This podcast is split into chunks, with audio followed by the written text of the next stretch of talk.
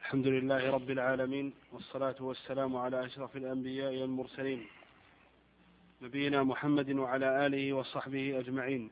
أما بعد فهذا هو المجلس الحادي عشر من مجالس شرح العقيدة الطحاوية من شرح معالي شيخنا يوسف الغفيص.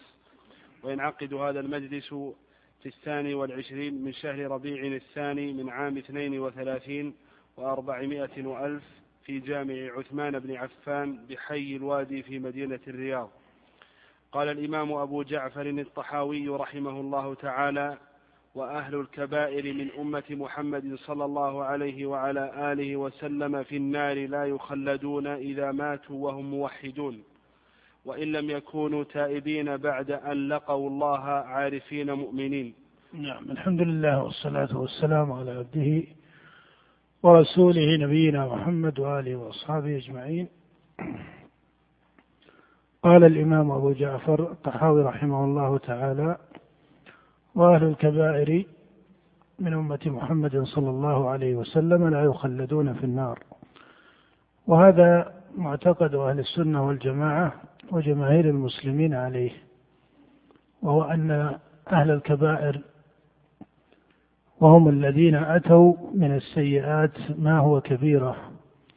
وأنت تعلم أن الذنوب منها ما هو صغائر ومنها ما هو كبائر.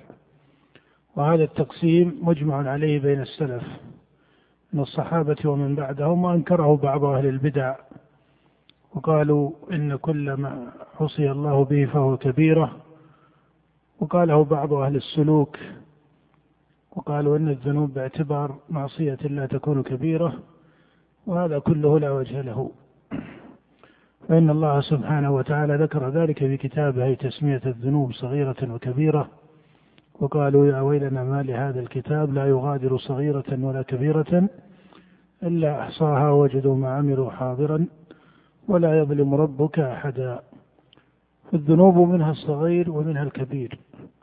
وقال النبي صلى الله عليه وسلم اجتنبوا السبع الموبقات. وقال عليه الصلاة والسلام ألا أنبئكم بأكبر الكبائر فالذنوب منها الكبير ومنها الصغير. وإن كان حق الله جل وعلا ومقامه سبحانه وتعالى ألا يعصى لا بصغير ولا بكبير. فهذا صحيح. هذا صحيح. لكن الذنوب على هذين الوجهين والكبائر من الإثم وهي الموبقات. وهي ما توعد عليه بعذاب من عذاب الله أو بلعن وعقاب من عقابه أو نفي الإيمان عن صاحبه هذا هو حد الكبيرة. والصحيح أنه لا عدد لها من جهة الحصر. وقال بعض أهل العلم إنها سبع. والصحيح أن الكبيرة كل ذنب توعد عليه بلعن أو غضب أو نار أو نفي إيمان ونحو ذلك. وما دون هذه الكبائر فهي الصغائر. وعن هذا قال النبي صلى الله عليه وسلم كما في الصحيح الصلوات الخمس والجمعة إلى الجمعة ورمضان إلى رمضان كفارة لما بينهن إذا اجتنبت الكبائر. هذا بيان أن الذنوب منها كبائر ومنها صغائر.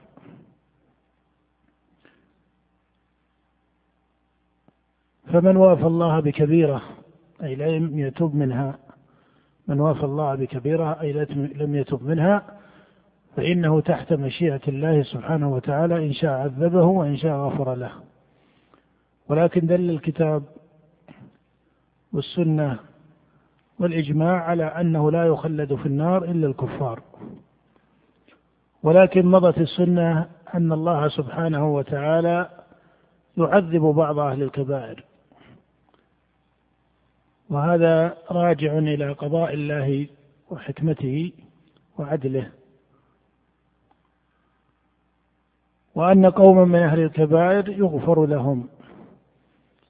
وأما تمييز هؤلاء عن هؤلاء فهذا مبني على حكمة الله وقضائه وعدله. والله سبحانه وتعالى لا يظلم مثقال ذرة وإن تك حسنة يضاعفها. ولكن تواتر عن رسول الله عليه الصلاة والسلام خبر الجهنميين وهم من يدخل النار من أهل الكبائر. وهذا هو الذي ميز مذهب السلف عن مرجئة المرجئة الواقفة. وهم الذين قالوا إن أهل الكبائر تحت المشيئة ولكن قد يعذبون جميعا وقد يغفر لجميعهم وقد يعذب بعضهم دون بعض. فهذا التوقف لا أصل له. بل النصوص دلت على أن قوم منهم يغفر لهم وأن قوم منهم يعذبون ولكنهم لا يخلدون في النار. وهذا ما يميز مذهب السلف عن مذهب المرجعة الواقفة. فإن المرجعة الواقفة وهو قول مشهور لأبي الحسن وطائفة من أصحابه يقولون إن أهل الكبائر تحت مشيئة الله وأنهم لا يخلدون في النار. وهذان أصلان وافقوا عليهما السلف. فإن السلف كذلك يقولون إن أهل الكبائر لا يخلدون في النار وأنهم تحت مشيئة الله. لكن بقي أصل ثالث في مذهب السلف وهو أن بعض أهل الكبائر يغفر له وبعض أهل الكبائر يعذب عذابا دون عذاب يعني دون عذاب الكفار ويخرجون إلى الجنة. فهذا الجزم ما أقر به المرجعة الواقفة. لأن القرآن لم يذكره بالتصريح وإنما جاء بالسنة والسنة هنا سنة مستفيضة متواترة فالتردد والوقف مخالف لصريح السنة هذا هو وجه الإشكال فيه أن التردد ليس هو مطابق لقول الله ويغفر ما دون ذلك لمن يشاء بل قوله ويغفر ما دون ذلك لمن يشاء إقرار بجملة الأصل والسنة دلت على أن قوما يعذبون وهذا ما تواتر في حديث الجهنميين. فإذا قيل بالتردد أو التوقف كما يسمى فهذا عدم تحقيق لدلالة السنة. فمذهب السلف يقوم على هذه الأصول الثلاثة. أنهم تحت مشيئة الله أنهم لا يخلدون في النار أن الله يعذب قوما منهم ويغفر لقوم وهذا فرع عن حكمته وعدله ورحمته إلى آخره. ولم يجي في النصوص تفصيل هذا المعنى الثالث إلا بالقواعد الكلية وهو أن هذا راجع إلى رحمة الله وعدل الله وحكمة الله سبحانه وتعالى. وأما تفصيل ذلك بما ذكره بعض أهل العلم كأبي محمد بن حزم بالموازنة بين الحسنات والسيئات ورجحه ابن القيم رحمه الله في كتابه طريق الهجرتين وانتصر له انتصارا بعيدا واسعا وقال إن هذا هو مذهب السلف وأن كثيرا من الناس لا يعرفونه وإنما يعرفون مذهب المرجئة إلى آخره فهذا ليس على وجه مناسب. ما ذكره علامة ابن القيم رحمه الله على فضله وجلالة علمه إلا أنه ليس في محله في مثل هذه المسألة لأن هذه مسألة أصل ليست من مسائل الفقه والاجتهاد. وأهل الكبائر في القرآن ذكر أمرهم مجملا لم يذكر مفصلا. المذهب الذي قاله ابن القيم هنا وهو في حقيقته منقول. نقله ابن القيم عن أبي محمد بن حزم رحمه الله. غاية هذا المذهب أن أهل الكبائر ينقسمون إلى ثلاثة أقسام. قوم تساوت حسناتهم مع سيئاتهم وقوم زادت حسناتهم على سيئاتهم بواحدة وقوم زادت سيئاتهم على حسناتهم بواحدة. قالوا فمن زادت حسناته على سيئاته بواحدة فهذا لا يعذب بل يغفر له. وإن كان قالوا مقامه في الجنة ليس كمقام من لم يأتي بكبيرة. قالوا ومن زادت سيئاته على حسناته بواحدة فهذا يعذب في الجنة. ونزلوا أحاديث الجهنميين على هؤلاء. قالوا ومن تساوت حسنته مع سيئاته فهؤلاء يحبسون عن الجنة. يحبسون عن الجنة لا يدخلونها ولكنهم لا تمسهم النار لا يدخلون النار بل يحبسون عن الجنة ما شاء الله ثم يدخلونها. قالوا وهم أهل الأعراف. المذكورون في قول الله تعالى وبينهما حجاب وعلى الأعراف رجال يعرفون كلا بسيماهم ونادوا أصحاب الجنة أن سلام عليكم لم يدخلوها وهم يطمعون فهذا هو المذهب الذي نصره ابن القيم وقال إنه هو مذهب الصحابة والتابعين. قال ابن القيم رحمه الله في طريق الهجرتين قال هذا مذهب الصحابة والتابعين. وهذا ليس كذلك هذا ليس كذلك. بل هذا قول طائفة هذا التفصيل حقيقته قول طائفة من المنتسبين إلى السنة والجماعة من الظاهرية والحنابلة وغيرهم. وليس هو قول الأئمة ولم يؤثر عن إمام من المتقدمين أنه جزم به. وهو مبني على مقدمات وأدلة في غير محلها في الجملة. فإنهم استدلوا على هذا التقسيم بمثل قول الله تعالى فمن ثقلت موازينه فأولئك هم المفلحون ومن خفت موازينه فأولئك الذين خسروا أنفسهم في جهنم خالدون. وما جاء في سورة القارعة وسورة الأعراف. وهذا الذي ورد في هذه السور الثلاث في الأعراف والمؤمنون والقارعة هذا المفاضلة بين الإيمان والكفر. من ثقلت موازينهم أي بالإيمان ومن خفت موازينهم بالشرك والكفر. ليست في المؤمنين ليست في أصحاب الإسلام أصلا. ما جاء في سورة الأعراف وما جاء في سورة المؤمنون في مثل قول الله سبحانه وتعالى فمن ثقلت موازينه فأولئك الذين خسروا أنفسهم في جهنم خالدون. وما جاء في سورة القارعة كل هذا في الإيمان والكفر. والآيات صريحة. إذا قرأت الآيات وجدتها صريحة في هذا. انظر مثلا في سورة المؤمنون قال الله تعالى فمن ثقلت موازينه فأولئك هم المفلحون ومن خفت موازينه فأولئك الذين خسروا أنفسهم في جهنم خالدون تلفح وجوههم النار وهم فيها كالحون. ألم تكن آياتي تتلى عليكم فكنتم بها تكذبون؟ قالوا ربنا غلبت علينا شقوتنا وكنا قوما ضالين. ربنا أخرجنا منها. فإن عدنا فإنا ظالمون. قال اخسأوا فيها ولا تكلمون. فهذا صريح أنهم كانوا قوما أنهم كانوا مكذبين. أنهم كانوا مكذبين. فإذا الموازنة المفصلة في القرآن هي في الإيمان والكفر. الموازنة ذكرت في القرآن على وجهين موازنة مجملة وموازنة مفصلة. المجملة في قول الله تعالى ونضع الموازين القسط ليوم القيامة. فلا تظلم نفس شيئا وإن كان مثقال حبة من خردل أتينا بها وكفى بنا حاسبين. الموازنة المجملة عامة. الموازنة المفصلة كما في سورة الأعراف والمؤمنون هذه بين الإيمان والكفر. هذه بين الإيمان والكفر وليست في أصحاب الكبائر كما يقوله ابن حزم وابن القيم من زالت سيئاته واحدة أو حسناته واحدة. هذا من جهة إسقاط هذا الدليل الذي استند إليه ابن حزم وابن القيم في هذا التقسيم. الوجه الثاني أن ما ذكروه في من تساوت حسناتهم مع سيئاتهم قالوا يحبسون عن الجنة. هذا قول لا دليل عليه. بل هذا من غيب الله الذي لا يعلمه إلا الله.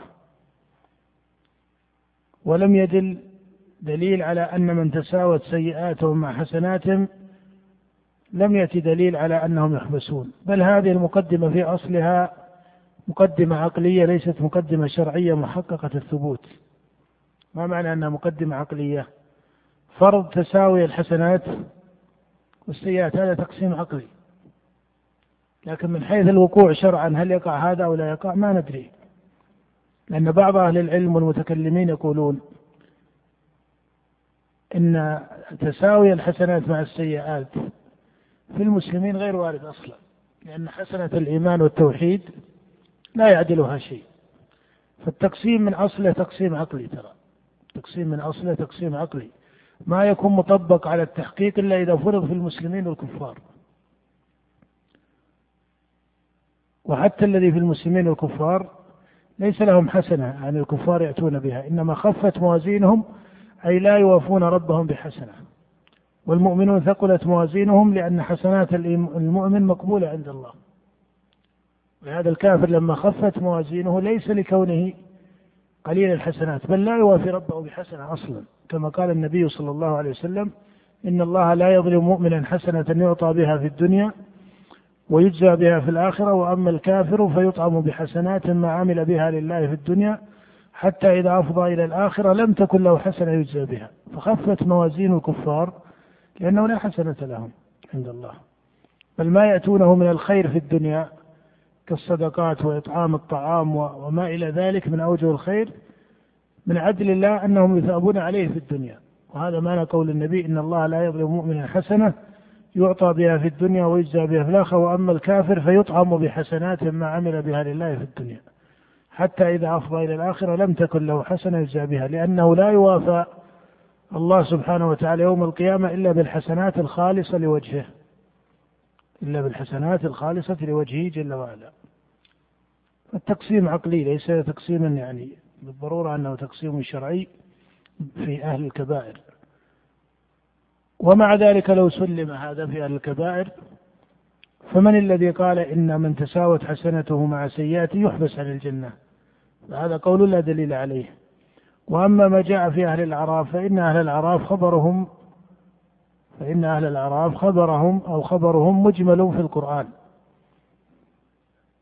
أهل الأعراف خبرهم مجمل في القرآن بمعنى أن الله قال وبينهما حجاب وعلى الأعراف رجال فهو اسم مطلق.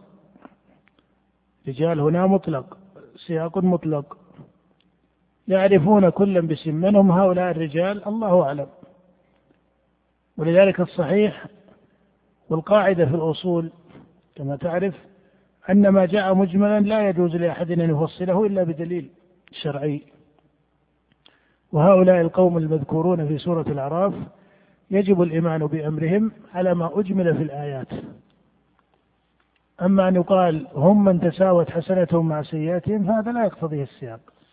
أليس كذلك؟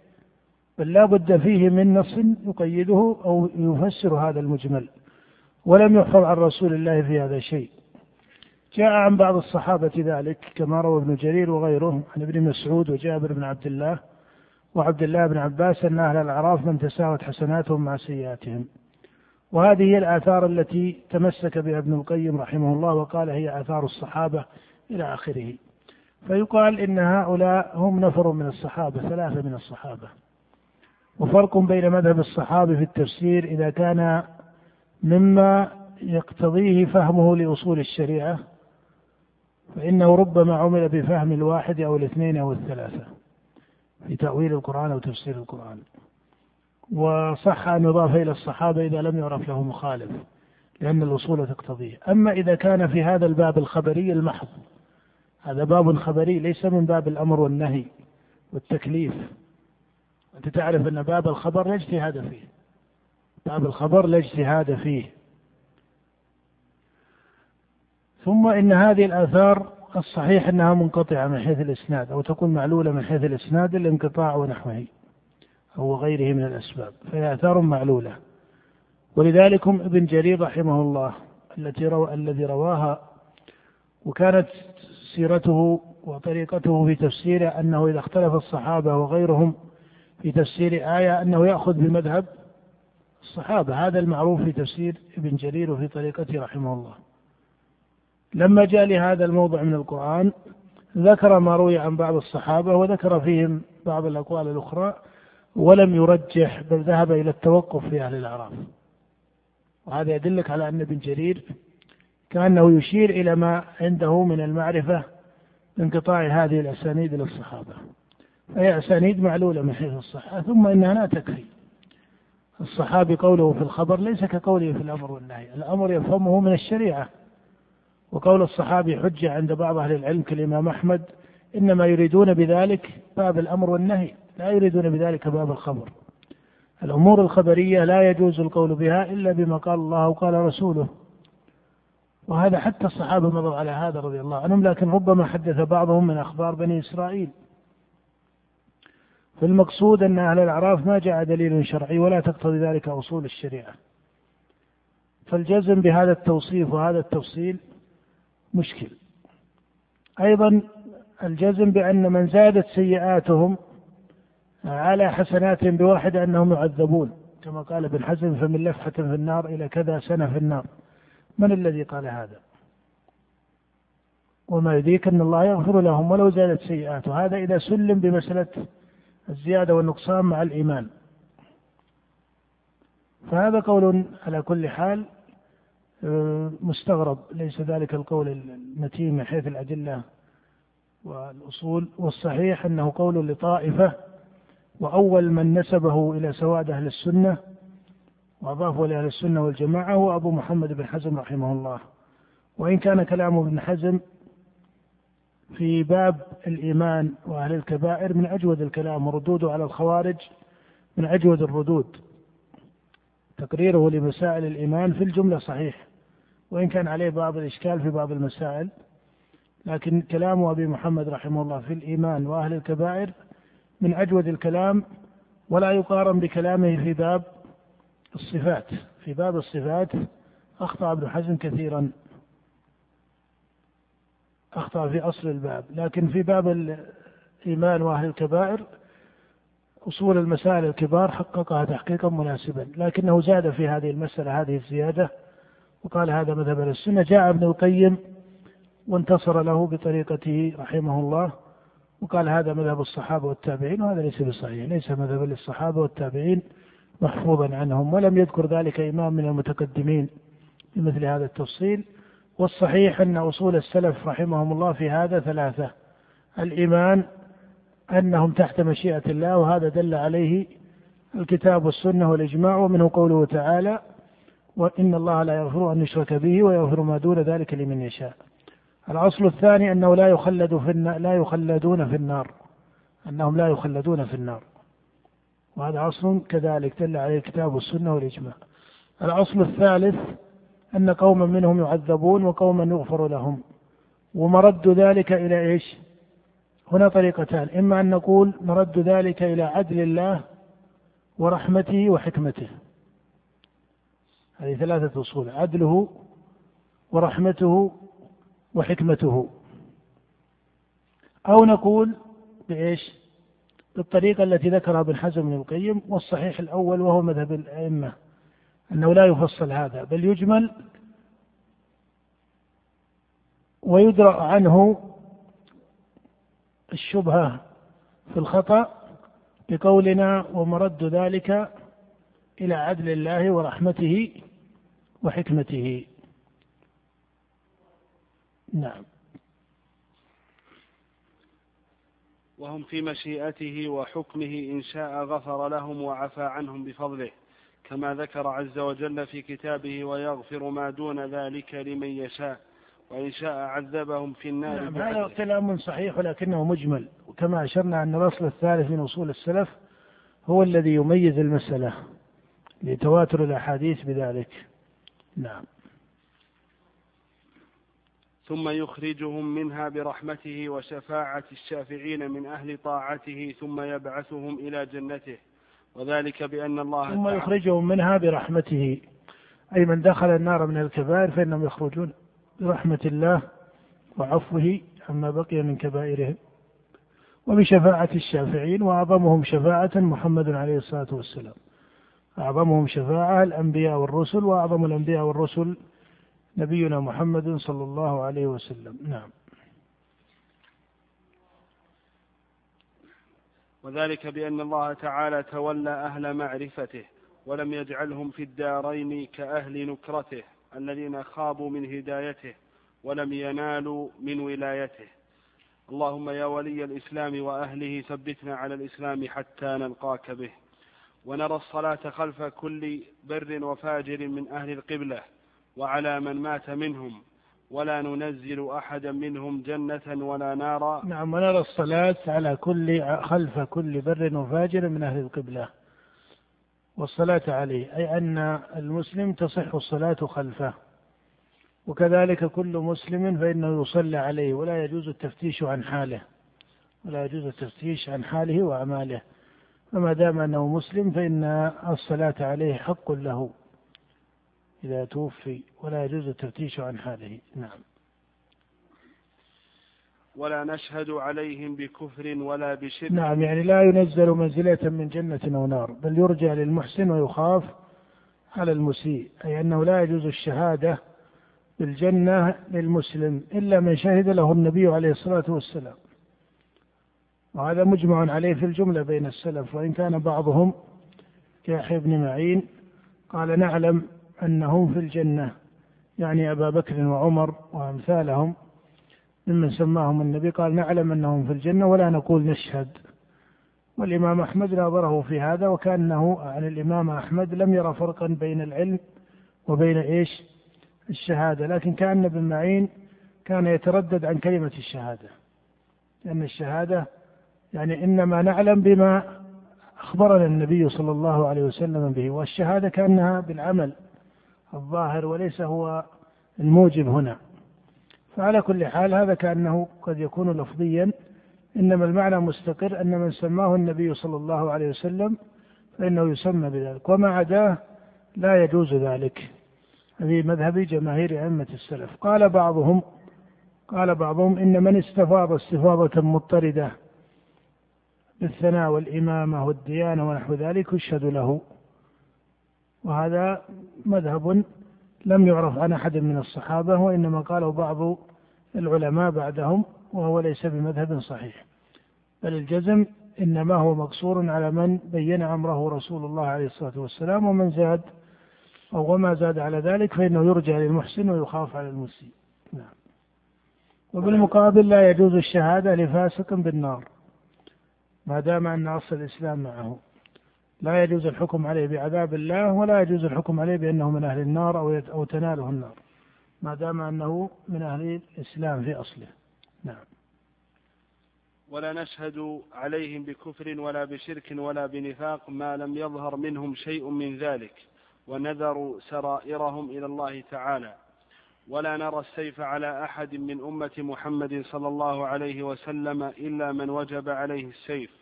ولا نرى نعم كيف على هذا كيف على قوله رحمه الله ولا نرى السيف إلى آخره. هذه مسائل متسلسلة مع بعضها. نبقى في درس الأصول الآن؟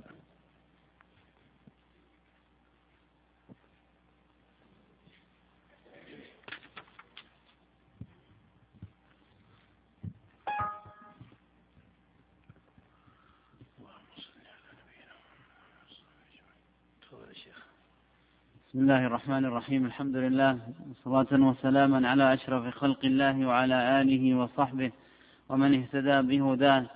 أما بعد ففي هذا اليوم الثاني والعشرين من شهر ربيع الآخر لعام اثنين وثلاثين وأربعمائة وألف ينعقد هذا المجلس الحادي عشر في شرح كتاب الضروري في أصول, في أصول الفقه لمعالي شيخنا الشيخ الدكتور يوسف الغفيص حفظه الله تعالى في جامع عثمان بن عفان رضي الله عنه بحي الوادي بالرياض.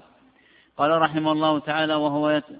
القول الثاني القول في الجزء الثاني من هذا الكتاب وهو يتضمن النظر في الأصول التي تستند إليها هذه الأحكام وعنها تستنبط وهي أربعة الكتاب والسنة وإجماع الأمة ودليل العقل على النفي الأصلي وتسمية مثل هذا أصلا تجوز الأحكام الحمد لله رب العالمين وصلى الله وسلم على نبينا محمد وآله وأصحابه أجمعين.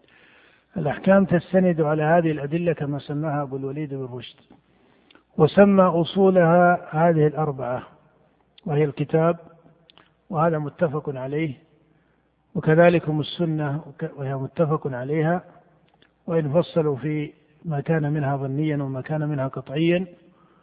والإجماع وهو أيضا مجمع عليه أو متفق عليه وإن نازع فيه بعض نظار المعتزلة من جهة إمكان تحققه. والرابع جعله أبو الوليد في أصول الأدلة وهو دليل العقل الدال على النفي وهو ما سماه أبو حامد في المستصحب بالاستصحاب العقلي استصحاب النفي العقلي. الذي جرى عليه عمل أكثر أهل الأصول أن أصول الأدلة الشرعية ثلاثة الكتاب والسنة والإجماع. وما بعد ذلك فإنه يسمى في الأدلة المختلف فيها. في الأدلة المختلف فيها بدءا من دليل القياس إلى آخره طريقة صاحب المستصفى عن أبا حامد الغزالي وكذلك أبو الوليد بن رشد هنا في هذه الرسالة أنهم يذكرون دليل العقل ضمن الأصول. هم لا يريدون هنا بدليل العقل مطلقا إنما يريدون الاستصحاب العقلي الذي يقتضي النفي وهما يرون أنه أصلا باعتبار وجود الإجماع على معناه. فحوى هذا الدليل مجمع عليه لا شك. فحوى هذا الدليل مجمع عليه لا شك والأصل براءة الذمة. ولكن هل جعله في أصول الأدلة له معنى؟ أم أنه داخل ضمن دليل الإجماع في بعض تطبيقه؟ هذا محل بحث على كل حال. القسم الأول سواء قسمنا على هذه الطريقة بأنها أربعة أو على المشهور بأنها ثلاثة هذه تسمى الأدلة المجمع عليها أو المتفق عليها بين أئمة الاستدلال وأئمة الشريعة. والقسم الثاني وهي الأدلة المختلف فيها ويسمون تحتها دليل القياس والإستحسان والمصلحة المرسلة وقول الصحابي وعمل أهل المدينة ونحو ذلك. فهذه الأدلة تسمى بالأدلة المختلف فيها وهذه حقيقتها وهذا حقيقتها أنها أدلة اختلف العلماء في الاحتجاج بها والخلاف بينهم واقع في وجهين إما أنهم مختلفون في أصل هذا الدليل كدليل القياس أو أنهم مختلفون في رتبة هذا الدليل من الشريعة. وهذان وجهان من الخلاف. لما تقول الأدلة المختلف فيها الخلاف محله أمرين. الخلاف محله أمران. الأمر الأول أصل الدليل كدليل القياس. حينما تقول إن الأئمة الأربعة مثلا يعتمدون دليل القياس وأن ابن حزم لا يعتمده. فهذا وجه. الخلاف الثاني في ماذا؟ في رتبته. هل القياس يقدم على قول الصحابي؟ هل الاستحسان يقدم على عمل أهل المدينة؟ وهكذا. فإذا الخلاف محله الأصل ومحله الرتبة. والخلاف في الرتبة أقوى وأعقد مناطا من الخلاف في الأصل لأن الخلاف في الأصل متميز. إنما الخلاف في الرتبة هو الذي يحتاج إلى مزيد من التحقيق. أنت تعرف أنه من حيث التأصيل من حيث التأصيل الشريعة قائمة على النص فحسب بمعنى على الدليل الذي هو الكتاب والسنة. ولو نظرت القرآن والسنة لوجدت أن الله سبحانه وتعالى يأمر باتباعه واتباع رسوله وطاعته وطاعة رسوله. يا أيها الذين آمنوا استجيبوا لله وللرسول. من يطع الرسول فقد أطاع الله. لا يسمى في القرآن ولا في السنة كلمة القياس أو كلمة الاستحسان أو المصلحة المرسلة إلى آخره. فهل هذه الأدلة زادها العلماء نظرا لكثرة الوقائع؟ التعبير بأنها زادها العلماء لكثرة الوقائع كما يعبر بعض الباحثين والكاتبين المعاصرين هذا تعبير غلط. هو هذه الأدلة التي سميت هي أدلة متصلة بالنص متولدة عنه. متفرعة عنه. ولذلك حينما نقول إنه اختلف فيها في أصلها فموجب هذا الاختلاف معنى واحد في جميعها أنه إذا تحقق لطائفة من الأئمة اتصال هذا الدليل بالنص الذي هو الكتاب والسنة جعلوه جعلوه دليلا مستعملا ولم يجعلوه من الأدلة الأصول لأن فيه مادة اجتهاد. وهذا هو الذي جعله إيش؟ لا يستعمل إلا إذا لم يوجد الكتاب والسنة. كدليل القياس فإن من نظر إليه فوجده متصلا متولدا من من النص من الكتاب والسنة. أقر به كدليل ولم يجعله قطعيا لما؟ لأن فيه إيش؟ مادة اجتهاد. لأنك تقول في قياس التمثيل إلحاق فرع بأصل هذا الإلحاق اجتهاد. أليس كذلك؟ هذا الإلحاق اجتهاد. من جنس ما تقول قضاء القاضي اجتهاد. ولو قضى القاضي واستدل بآية ليس كل من قال آية أو حديثا لزم أنه مطابق لها وفيه مادة من الاجتهاد. فأنت تقول إلحاق فرع بأصل هذا الإلحاق اجتهاد. فهذا هو الذي جعله ليس قطعيا ولكن لاتصاله بالدليل الأصل الكتاب والسنة سموه دليلا.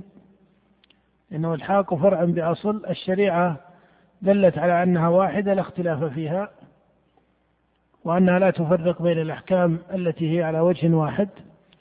ولكون الشريعة معللة لما تحققت لهم هذه المقدمات سموا دليل القياس إذن هو متفرع من دلالة الشريعة نفسها دلالة الكتاب والسنة.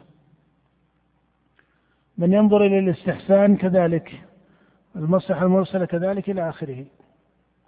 من نظر إلى هذا الدليل من الأدلة المختلف فيها فما تحقق له اتصاله بالنص كتاب السنة إيش؟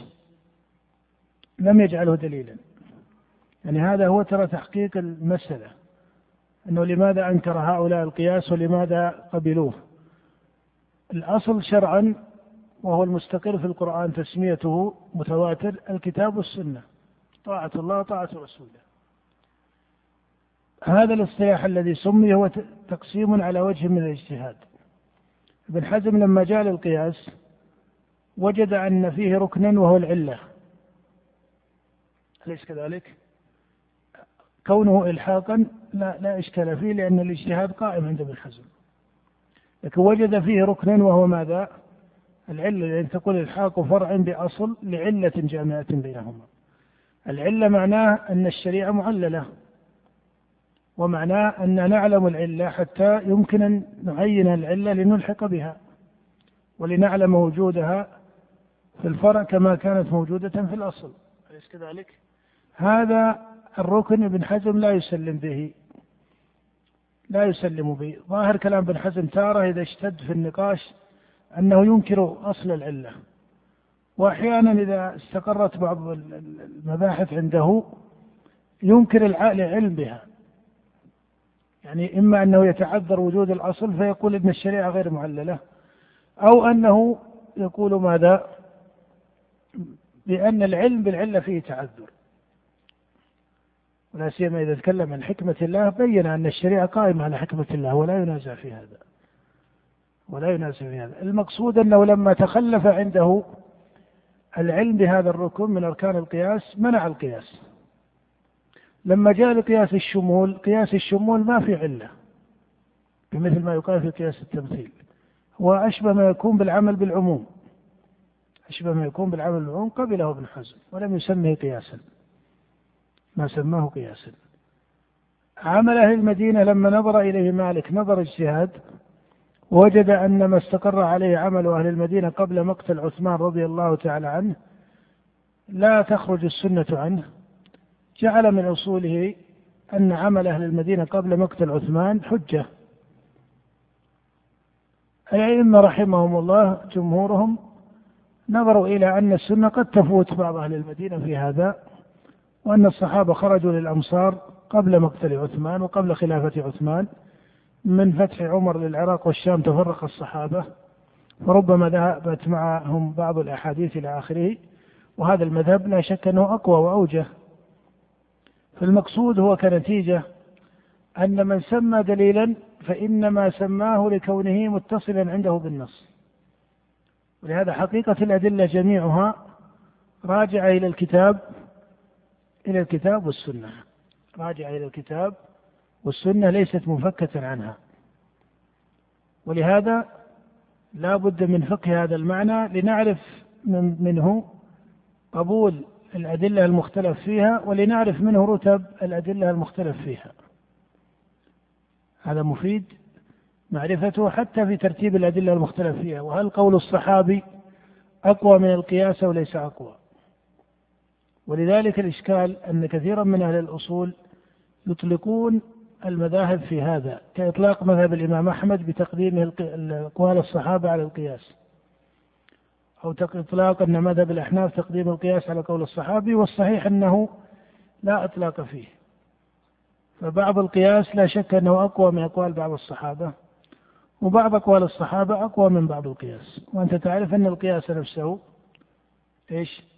ليس وجها واحدا. هناك قياس العلة وهناك قياس الشبه وهناك قياس الطرد الذي لا عبرة به. وأقوال الصحابة كذلك ليست وجها واحدا. فالإطلاق في الأدلة المختلف فيها في الغالب أنه إطلاق غير محقق وليس بمتين. ولذلك هناك مسائل عمل فيها الإمام أحمد بالقياس. وربما اجتمع له في الدليل أنه وجه من القياس وأن فتوى الصحابة عليه لأن الصحابة يعملون بالقياس. كما في المسح على الخفين مثلا فإنه بناه على القياس وعلى أقوال الصحابة فوافق هذا هذا. ولكن لو أن القياس اقتضى معنى وخالفه بعض الصحابة لا يضطرد للإمام أحمد تقديم قول الصحابي على القياس. فربما كان القياس أقوى من قول بعض الصحابة. ولذلك في الغالب أن الإمام أحمد إنما يقدم في أقوال الصحابة المستقر منها المستقر من أقوال الصحابة. نعم. على كل حال هذا يعني يعرم به هذه الأدلة من جهة تقسيمها وأنها قسمان أدلة مجمع عليها وأدلة مختلف فيها. والمجمع عليه هو الكتاب والسنة والإجماع. وحقيقته أيضا الكتاب والسنة لأن الإجماع نتيجة لها.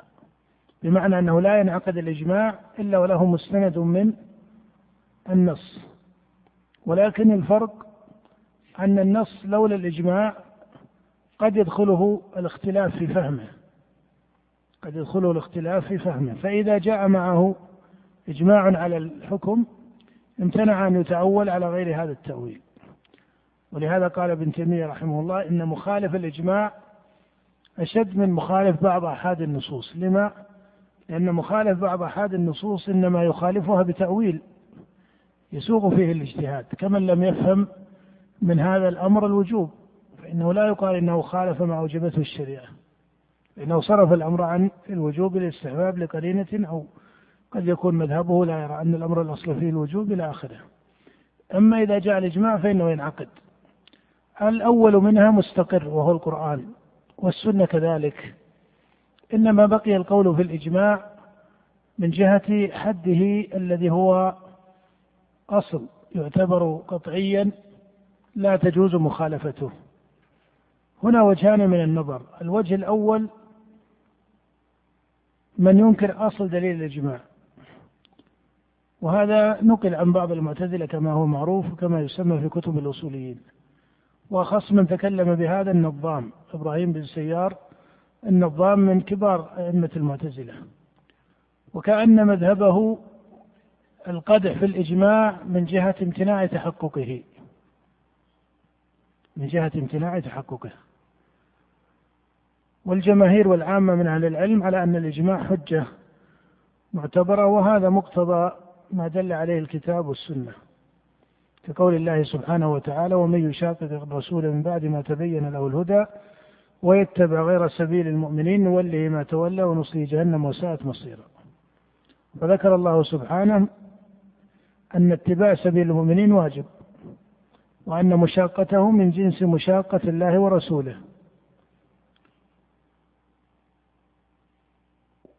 ودل أيضا القرآن على مشروعية الاتباع كما ذكر الله ذلك في الصحابة.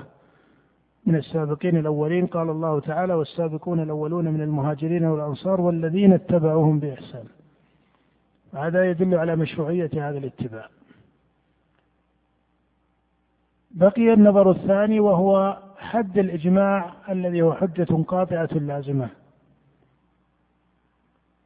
وعن هذا وجد عند الأصوليين تسمية الإجماع الصريح والإجماع السكوتي أو الإجماع الظني. وهذه تسمية صحيحة. فإن الإجماع الذي هو حجة لازمة ويذكر مع الكتاب والسنة من حيث أصول الأدلة هو الإجماع الصريح. وهو ما علم من الدين بالضرورة وما تواتر واستفاض وعلم إجماع أئمة السنة عليه وإجماع الصحابة عليه إلى أن حدثت البدع التي خالفته. ولذلك حينما يذكر الإجماع هنا فيقال لما لم يعتبر مخالفة هؤلاء؟ قبل مبحث من يعتد برأيه ومن لا يعتد برأيه الإجماع هم خالفوا الإجماع القديم ومن هنا كان قولهم بدعة. يعني هو قبل أن تبحث مسألة من يعتد برأيه ومن لا يعتد برأيه هذا له موازين شرعية. لكن قبل هذا يعلم أن هذا خالف الإجماع القديم. ولذلك إذا خالف الإجماع القديم كائنا من كان المخالف لا يلتفت إلى مخالفته. لا لكونه صاحب بدعة أو مخالفة أو ليس كذلك. إذا خالف الإجماع لم يلتفت إلى مخالفته للإجماع. ولذلك ما كان على وفق الإجماع القديم هو إجماع الصحابة. وهذا هو أكثر استقرارا. هذا أكثر استقرارا من الإجماع المتأخر الذي جاء بعد ذلك بقرون. فصار هذا في الغالب أنه من باب الإجماع الظني. والإجماع السكوتي نعم. ولو تسمية مثل, مثل هذا أصلا تجوز إذ ليس يدل على الأحكام بل على نفيها. فأما قول الصحابة وشريعة من نعم وهذا تعليق مناسب من أبي الوليد على طريقة أبي حامد. يقول تسمية هذا وهو النفي العقلي تسميته أصلا هذا فيه تجوز. هذا فيه تجوز. لأنه يدل على النفي وليس يدل على الإثبات. نعم. فأما قول الصحابة وشريعة من قبلنا فمختلف فيه فلنبدأ من ذلك بالكتاب وننظر أولا في حقيقته ثم فيما يحصره ثم في ألفاظه ثم في أحكامه شريعة من قبلنا وهو ما يسمى أيضا بتعبير المقارب شرع من قبلنا. وهل هذا حجة وليس بحجة؟ وهل شرع من قبلنا شرع لنا أم لا؟ هذا مسألة فيها تفصيل كما سيأتي إن شاء الله. الأصل الأول فأما حقيقته ومعناه فهو الكلام القائم بذات الله تعالى وهو صفة قديمة من صفاته. نعم سلك أبو الوليد هنا طريقة أبي حامد وطريقة أبي حامد هي طريقة أبي الحسن الأشعري وإلا فإن ابن رشد له طريقة مختلفة في باب الصفات باعتباره فيلسوفا على طرق الفلاسفة في هذا. لكن هذا المعنى الذي لخصه لما ذكر تعريف الكتاب إنما هو فرع عن طريقة أبي حامد التي هي فرع عن طريقة أبي الحسن الأشعري. والصحيح الذي عليه أئمة السنة من الصحابة إلى أن حدثت هذه الأقاويل من طرق المتكلمين أن القرآن كلام الله وأن الكلام صفة من صفات الله متعلق بمشيئة الرب جل وعلا على ما يليق به. وأما القول بأنه واحد قديم ليس بحرف ولا صوت فهذا مما أحدث وليس له أصل. نعم. قال وهو والقول في إثبات هذه الصفة وتخليصها بما بما مما يخصها من غيرها من الصفات هو من علم الكلام. فأما ما يحصره فهو ما نقل إلينا بين دفتي المصحف على الأحرف السبعة المشهورة نقلا متواترا.